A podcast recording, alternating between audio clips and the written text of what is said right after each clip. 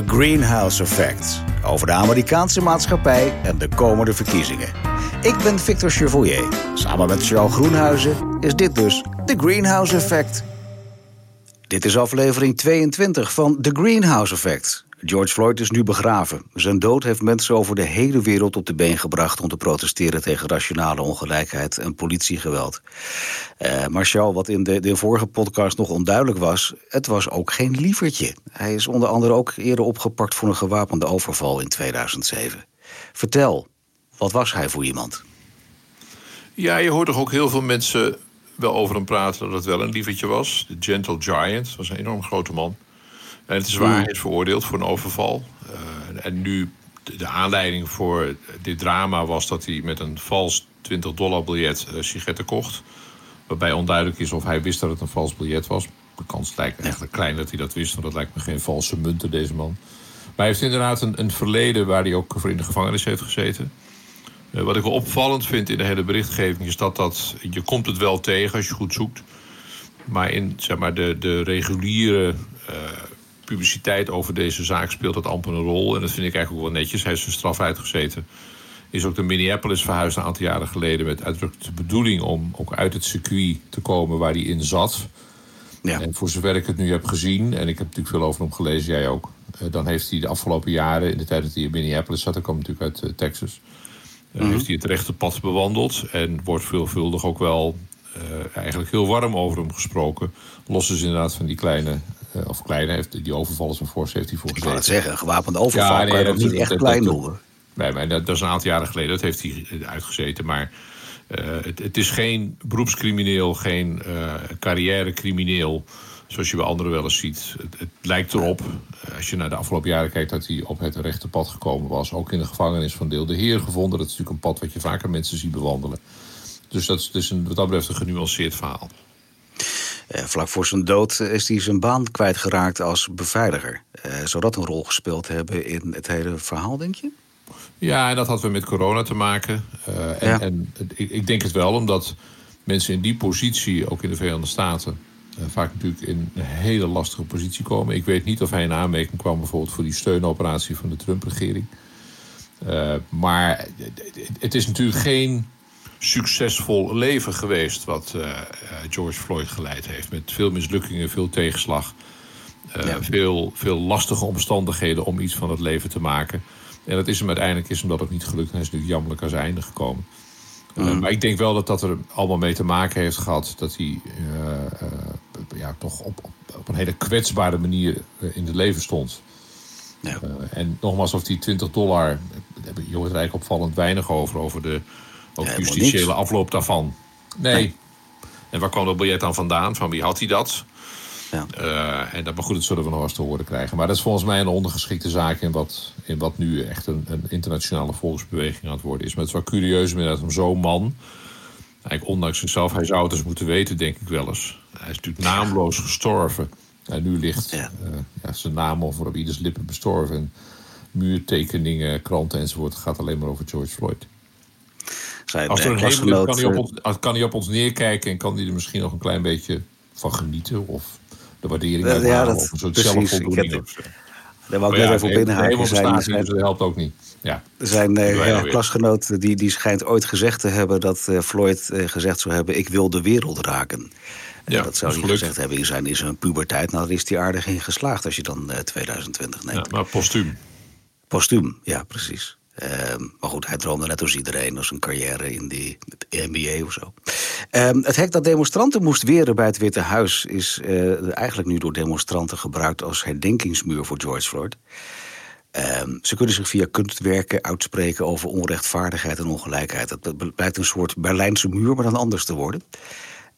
hoe lang blijft het staan, denk je? En, en wat is de symbolische waarde hiervan? Ja, die symbolische waarde is natuurlijk groot. Doet mij ook heel erg denken, behalve de Berlijnse muur... doet mij heel erg denken aan de vergelijkbare hekken die je had... na de aanslagen van 11 september in New York. En dat was echt mhm. massaal, ook rond die kerk die daar vlak tegen Ground Zero aan ligt. Uh, dat was één, één zee van memorabilia, zeg maar. Eh, en dat zie je nu dus ook weer. Ik vermoed dat dit wel een tijd zal blijven staan. Want op het moment dat de agenten, uh, desnoods met een platte pet... verschijnen om het allemaal los te knippen en eraf te scheuren dan denk ik dat er, dat er wel iets gaat gebeuren. Dus ik vermoed dat, dat Donald Trump, misschien niet persoonlijk, maar anders zijn mensen, toch wel de politie opdracht hebben gegeven. Laat het in godsnaam met tijd hangen of staan. en de kaarsjes branden enzovoort.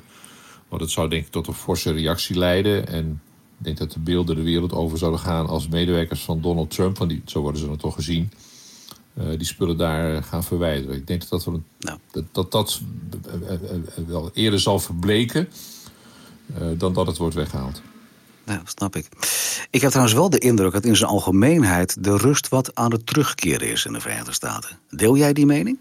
Ja, maar eh, we gaan wel weer naar de weekend toe natuurlijk. Dat moet je ook realiseren. Er zijn toch ook wel meer mensen die langzamerhand aan het werk zijn. Het is ook interessant om na te denken over de vraag...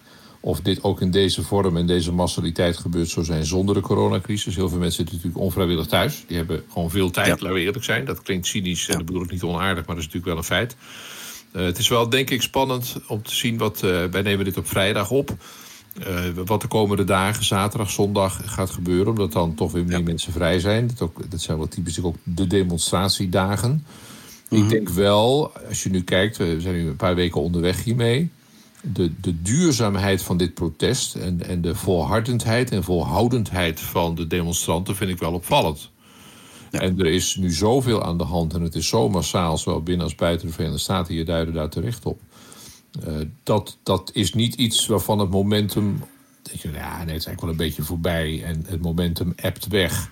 Omdat nu ook, tot in de hoogste regionen, sowieso uh, is Donald Trump er opvallend rustig over nu. He, die hele, mm -hmm. ja, toch, ik zou bijna zeggen, ophitsende taal die hij gesproken heeft. En ook zijn minister van Justitie, William Barr en anderen. Uh, die is voorbij, dat hoor je niet meer. zijn, zijn eenzijdige nadruk op de railschoppers, en die waren er, maar dat was natuurlijk wel een hele kleine minderheid. En de overgrote meerderheid, jong, oud, blank, zwart, rijk, arm, alles door elkaar. Ja. Uh, was zeer vreedzaam en met goede bedoelingen. Je kunt het met ze eens of oneens zijn, maar er waren. Het aantal relschoppers was toch heel erg gering. En ik vind dat Donald Trump uh, wel opvallend rustig is. Maar dat is niet genoeg. Hij zal op een goed moment wel toch weer een gebaar moeten maken. En bijvoorbeeld zich ook uit moeten spreken over de verschillende wetsontwerpen die er nu aan zitten te komen van zowel de Democraten als de Republikeinen over beter, menselijker politiegedrag en over de mogelijkheid om agenten die over de schreef gaan op te sporen. De Democraten hebben daar al een, een, plan voor klaar liggen. De Republikeinen zeggen wij komen met een eigen plan. Dus politiek staat het al op de agenda. Dus wie weet gaan die demonstraties inderdaad wat weg hebben. Dat zou kunnen. Hoe, hoeveel dagen achter elkaar kun je enthousiast eh, de straat op gaan? Maar de politieke impact ervan is er al. Eén, dus via die wetsontwerpen. Twee, Trump moet zich er iets van aantrekken. Drie, het zal in de campagne tussen Joe Biden en Donald Trump ongetwijfeld een belangrijke rol gaan spelen. Terwijl tot drie weken geleden raciale verhoudingen eh, konden we veilig, en dat is ook heel lang gebeurd, negeren. Dat blijkt dus een foute inschatting te zijn. Joe Biden heeft in het openbaar gereageerd uh, tijdens de begrafenis van George Floyd. En uh, zei uh, niet wegkijken van racisme. Ja. Heeft zijn optreden van Joe Biden, heeft dat nou indruk gemaakt, denk je? Ja, positief en negatief. Het negatieve te beginnen, hij, hem wordt wel verweten dat hij in het verleden ook voorstander is geweest van allerlei wetsontwerpen. De meest fameuze is de Crime Bill uit 1994. In de Bill Clinton-jaren was dat, was hij senator. En hield zich zeer actief bezig ook met de justitiewetgeving, ook rond gevangenissen en, en straffen. Uh, het wordt hem heel erg verweten dat hij die crime bill van Bill Clinton toen uh, zeer hartelijk heeft gesteund. Mm. En ook dus een beroemd citaat van hem. Ik, ik, citeer het even een klein beetje vrij, maar wat erop neerkwam. Van hou eens op met het ge, sorry, geklets. Kijk uit wat je de sociale ja. achtergrond van al die daders. Van, ja. Lok hem op. Zet ze in de ja. cel. Sodemiet erop. Van de straat af jij. Wegwezen. Nou, mm -hmm. dat is van een gevoelloosheid, dat wordt hem nu ook zoveel jaren later verweten, uh, die niet meer past bij het denken uh, waar, waar, we nu langzamerhand een beetje naartoe gaan. Dus wat dat betreft, nogmaals, ook als die demonstraties zo meteen voorbij zouden zijn. en, en een deel van de Verenigde Staten begint het langzamerhand ook echt fors warmer te worden. Met name ja. in het zuiden. Dan ga je op zaterdag en zondag niet uren in de zon staan een beetje demonstreren. Want dan smelt je zo ongeveer. Dat is heel praktisch. Maar het, het effect is er dus nationaal en internationaal. Ja, kijk naar nou, vanochtend weer grote stukken in de krant, ook hier in Nederland. Waarbij onze eigen fractievoorzitters bevraagd zijn over de actualiteit van het vraagstuk van racisme. En iedereen zegt, behalve geloof ik Geert Wilders niet wil reageren. Maar voor hem is racisme op een andere manier altijd wel actueel. Maar ook die fractievoorzitters zeggen nu allemaal, we moeten er echt over gaan nadenken. Dus het heeft een uitwerking die niet zomaar verdampt en, en, en weg-appt. Nou, als je het hebt over politieke steun. Uh, nog even een paar dagen terug. Uh, Trump die ging toen voor die kerk staan met een bijbel in zijn hand op die foto. Uh, maar om daar te komen werd het hele park en de straat met vreedzame demonstranten met harde hand schoongeveegd. Die beelden hebben allemaal een beetje voor ons hangen. De hoogste Amerikaanse militair heeft nu gezegd dat hij eigenlijk niet naast Trump had moeten lopen tijdens een wandeling naar die kerk bij het Witte Huis. Uh, want, zegt hij, mijn aanwezigheid daar wekte de indruk dat de strijdkrachten betrokken zijn bij de binnenlandse politiek. En dat wil je uiteraard niet. Maar wat voor politieke gevolgen heeft deze uitspraak dat de hoogste Amerikaanse militair dat eigenlijk zegt over zijn eigen aanwezigheid bij zijn eigen president? Ja, dat is ongelooflijk. Dat, is, wordt hij toen natuurlijk ja, lastig. Dat is letterlijk ongelooflijk. Waar zijn. Ja. ja, Victor, dat is ongekend wat hier gebeurd is. Het gaat, het gaat om eh, Mark Alexander Milley, een uh, generaal en voorzitter van de chefs van staven. Dus de allerhoogste militair die, kun je ja. elke dag met Donald Trump te maken heeft, maar wel een aantal keren per week. Dat is de, echt de eerste directe adviseur van uh, de president als het gaat om militaire zaken. En je moet je realiseren dat gemiddeld die strijdkrachten, met name ook die hoge omens daarin, en enkele tanten, meestal omens, uh, ook, ook politiek wel redelijk in de buurt van op zijn minst de Republikeinen staan. En mhm. voordat zo'n generaal in het openbaar zegt: Ik ben in het gezelschap geweest van de president, de commander-in-chief, en ik was er liever niet bij geweest. Ja, ik, ik heb echt met mijn ogen zitten knipperen. Dat ik denk van, nou, dat kan niet waar zijn. Vooral als je realiseert dat ook een paar voorgangers van deze meneer Milley voormalige voorzitter-chef van staven, de eh, huidige minister van Defensie, heeft er dingen over, over gezegd. Dus stuk voor stuk nemen ze afstand van de president. En nogmaals, even in die hiërarchie van zo'n leger. Ze nemen dus afstand van hun commander-in-chief. Dat is een politiek signaal uh, waar de president absoluut niet op zit te wachten. Want die gaat er meestal van uit. En hij roept het ook altijd. Hè, our armed forces, daar hebben we trots op. En, en terecht worden ze ook heel Amerikaans. Een hele sterke eh, militaire traditie, zijn ze trots op. Ja, dit, dit, is een echt een punch on the nose van, van deze generaal. En, en de, de verwachting is dan ook dat, dat Trump op zijn minst moet nadenken van of hij deze man wil handhaven. Want Trump. Nou, precies. Heeft dit het, het gevolg eigenlijk? Heeft, heeft Trump nog iets getwitterd of is, heeft hij er helemaal stil over? Hij, hij is er stil over. Uh, en normaal gesproken, op het moment dat dit soort dingen geuit worden, uh, ook uit zijn eigen partij, neem een senator Romney die heel erg kritisch is, nou die krijgt echt onderuit de zak. En iedereen die geen uh, trouwe vriend is, is, wordt als vanzelf een gezworen vijand.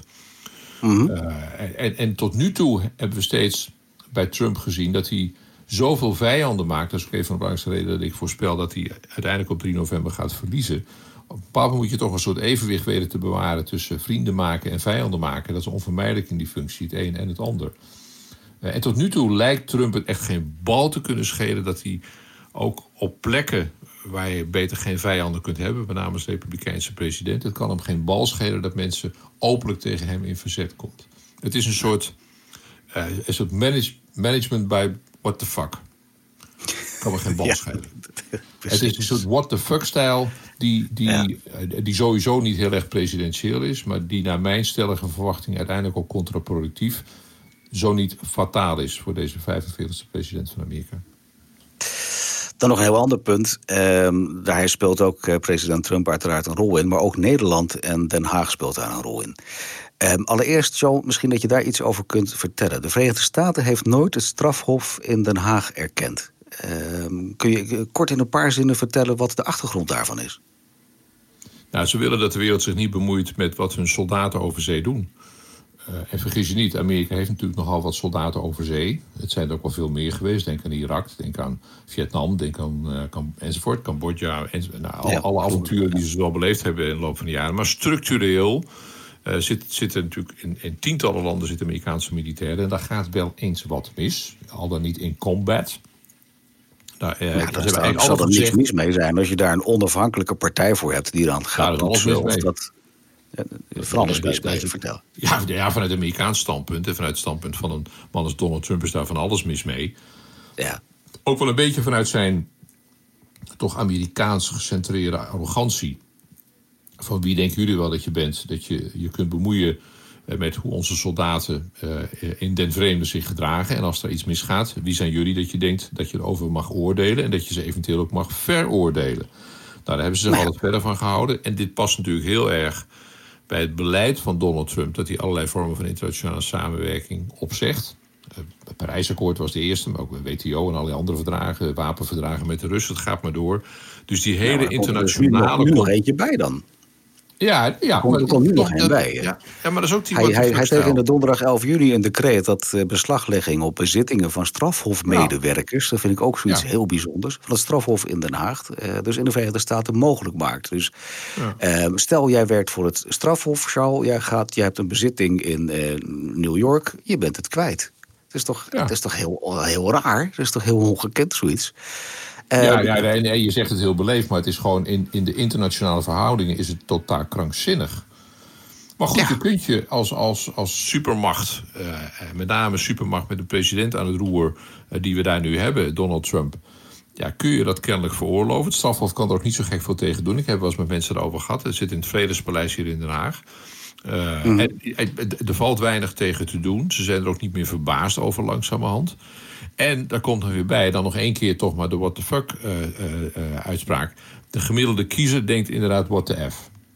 Ja. Kan het dan schelen. De gemiddelde Amerikaanse kiezer ligt hier niet alleen niet wakker van, maar denkt inderdaad van, nou, persoonlijk erop kwijt dan schelen. Dit is geen, dit is in kringen, ja, jij vindt het interessant en je begint erover en terecht en begrijpelijk. Uh, ik, vanmiddag uh, ga ik een webinar opnemen, onder andere met iemand als Rob de Wijk. Nou, die is heel erg mhm. in de internationale politiek, gaan we dit ook bespreken. Die zal daar ongetwijfeld ook nog met veel meer gezag en feitenkennis over kunnen spreken dan ik. Maar de gemiddelde Amerikaanse kiezers in Kansas of in uh, uh, Californië of weet ik waar. Helemaal in de Midwest interesseert zich geen bal. Nee. Die vinden het, denk ik, in meerderheid, als je het zou vragen, wel terecht dat de president hier pal voor staat. Van zeg, dat is een beetje. Want er wordt er heel erg het, het, de indruk gewekt dat het ook een links strafhof is. Liberals en anti-Amerika en anti-Trump, nou dan weet je het wel. Nou. Ja. Uh, heb je trouwens gehoord of de Nederlandse regering hierop gereageerd heeft? Ik heb het niet gehoord, maar ik, heb het, ik zou het even moeten kijken. Maar volgens mij niet. Dat lijkt me ook verstandig. Uh, ja, dat is even gaan. stilhouden hierin. Ja. ja. kijk, ook stilhouden in de zin van... ja, het verbaast ons niet. Eh, de, de anti-strafhofhouding van Trump is niet nieuw is ook niet verrassend. Uh, dit, dit spoort volledig met uh, wat Trump de afgelopen jaren gedaan heeft. Die een beslagname of het dreigen daarmee is wel nieuw. Maar daarvoor geldt weer... Uh, als jij en ik een kwartje kregen samen... voor elk niet uitgevoerd dreigement van Donald Trump... gingen wij nog een hele gezellige avond tegemoet. nou, zullen we dan, dan, dan deze podcast nog eventjes afsluiten met iets wat ik zelf wel heel grappig vond. Uh, het, het campagneteam van de Amerikaanse president, die wil dat de nieuwszender CNN een peiling intrekt waaruit duidelijk wordt dat Trump ver achterloopt op zijn democratische tegenstrever Joe Biden. Nou, is toch lachen? Uh, ik bedoel, in, in de oorlog tussen Trump en de media, is dit het hoogtepunt of gaat er nog meer komen? Want hij eist nou ja, nu excuses van CNN dit, dit is ook wel een geval van waar ik ook wel een beetje om moest grinniken.